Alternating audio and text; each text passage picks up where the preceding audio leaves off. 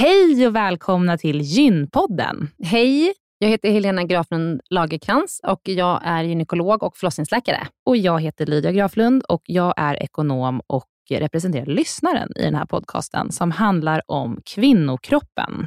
Det är vetenskaplig fakta om kvinnokroppen och det du hör i den här podden är det som man kan höra om man får träffa en läkare eller en barnmorska i ett eh, möte.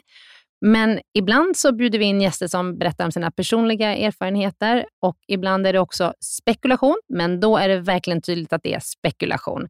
Annars är grunden för den här podden vetenskaplig fakta om kvinnokroppen. Så är det. Hoppas att ni vill lyssna. Välkomna. Välkomna.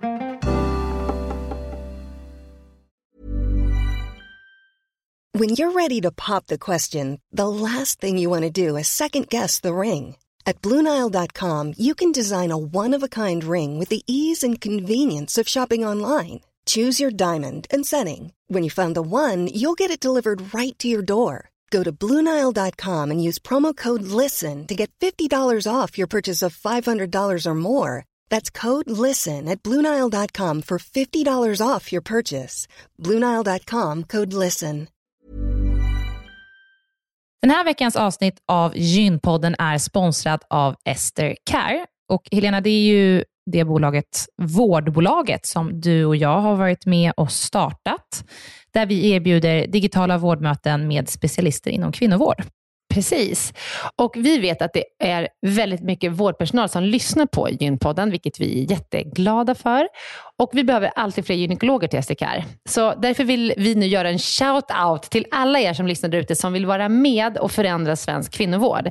Vi söker specialister inom gynekologi, men också ST-läkare som har kommit en bit in i sin ST och som vill arbeta digitalt eh, med handledning på, hos oss på SDKR. Mm. Och precis som det är för våra patienter som kan söka vård hos oss, det vill säga att de kan bo vart som helst i landet eftersom vi är digitala. Om man laddar ner appen och så bokar man ett vårdmöte, så kan ju även läkaren bo vart som helst i landet eller flytta under tiden man jobbar hos oss. Det är ju väldigt, väldigt flexibelt eftersom eh, man jobbar hemifrån.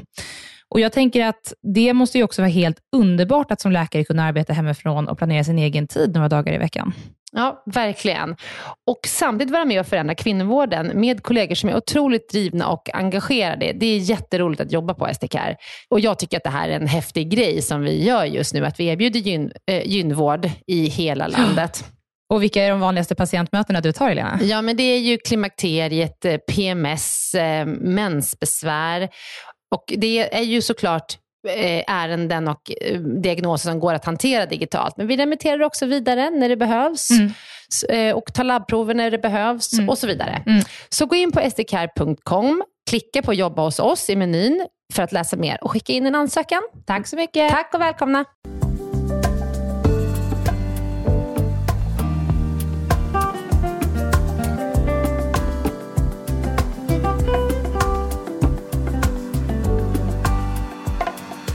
Hej och välkommen till Gynpodden svarar, där vi frågar doktor Helena en fråga som vi fått in till Gynpodden. Hej Helena! Hej Lydia! Idag, Helena, ska mm. vi prata om eh, en anledning till att man kanske kan tro varför man väljer kejsarsnitt framför vaginal förlossning. Eh, och Då är det så att det sexuella välbefinnandet efter förlossning är en fråga som diskuteras mycket både i Sverige och utomlands. Diskussionen går ofta ut på att vaginala förlossningar resulterat i minskat sexuellt välbefinnande. Vi vet inte, men det kan vara en förklaring till att andelen kejsarsnitt som kvinnorna själva efterfrågar har ökat på sistone. Men är oron i så fall befogad? Innebär en vaginal förlossning verkligen en ökad risk för ett sämre sexliv? Jättebra fråga. Svaren är eh, nej. Och eh, Det har gjorts en studie på det här nyligen och det är en forskare som heter Viktor H. Ahlqvist som är doktorand vid institutionen för global folkhälsa på Karolinska institutet i Solna.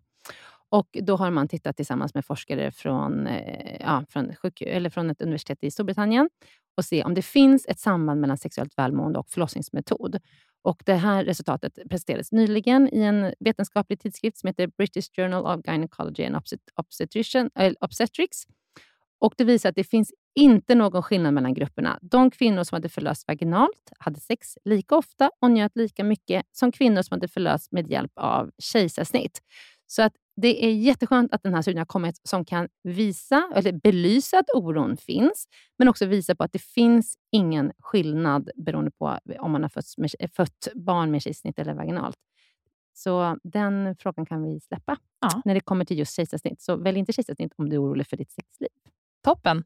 Tack så mycket. Tack Helena. Och Lydia, nästa vecka, vad pratar vi om då? Nästa vecka så pratar vi med Eva Usdal om framfall och förlossningsskador senare i livet. Exakt. Så det som vi pratade om förra veckan, eller liksom tidigare den här veckan, det är ju bristningar som uppstår under, eller liksom i samband med förlossningen. Men om man har kvarstående besvär, besvär liksom senare i livet, då brukar vi kalla det förlossningsskador. Och Mm. Eva Usdal är expert på detta område. Otroligt kunnig. Ja, så Det det, ska bli man. så roligt att få släppa det avsnittet, för ni är också väldigt många som har frågat eh, om det här. Så eh, lyssna och hoppas att ni får med er någonting bra därifrån. Tack så mycket.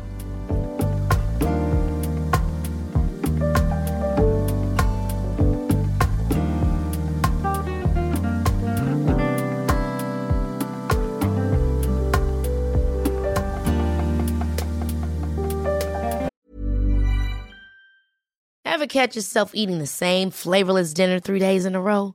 Dreaming of something better? Well, HelloFresh is your guilt-free dream come true, baby. It's me, Gigi Palmer.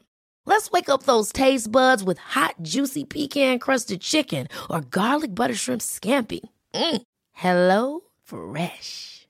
Stop dreaming of all the delicious possibilities and dig in at HelloFresh.com.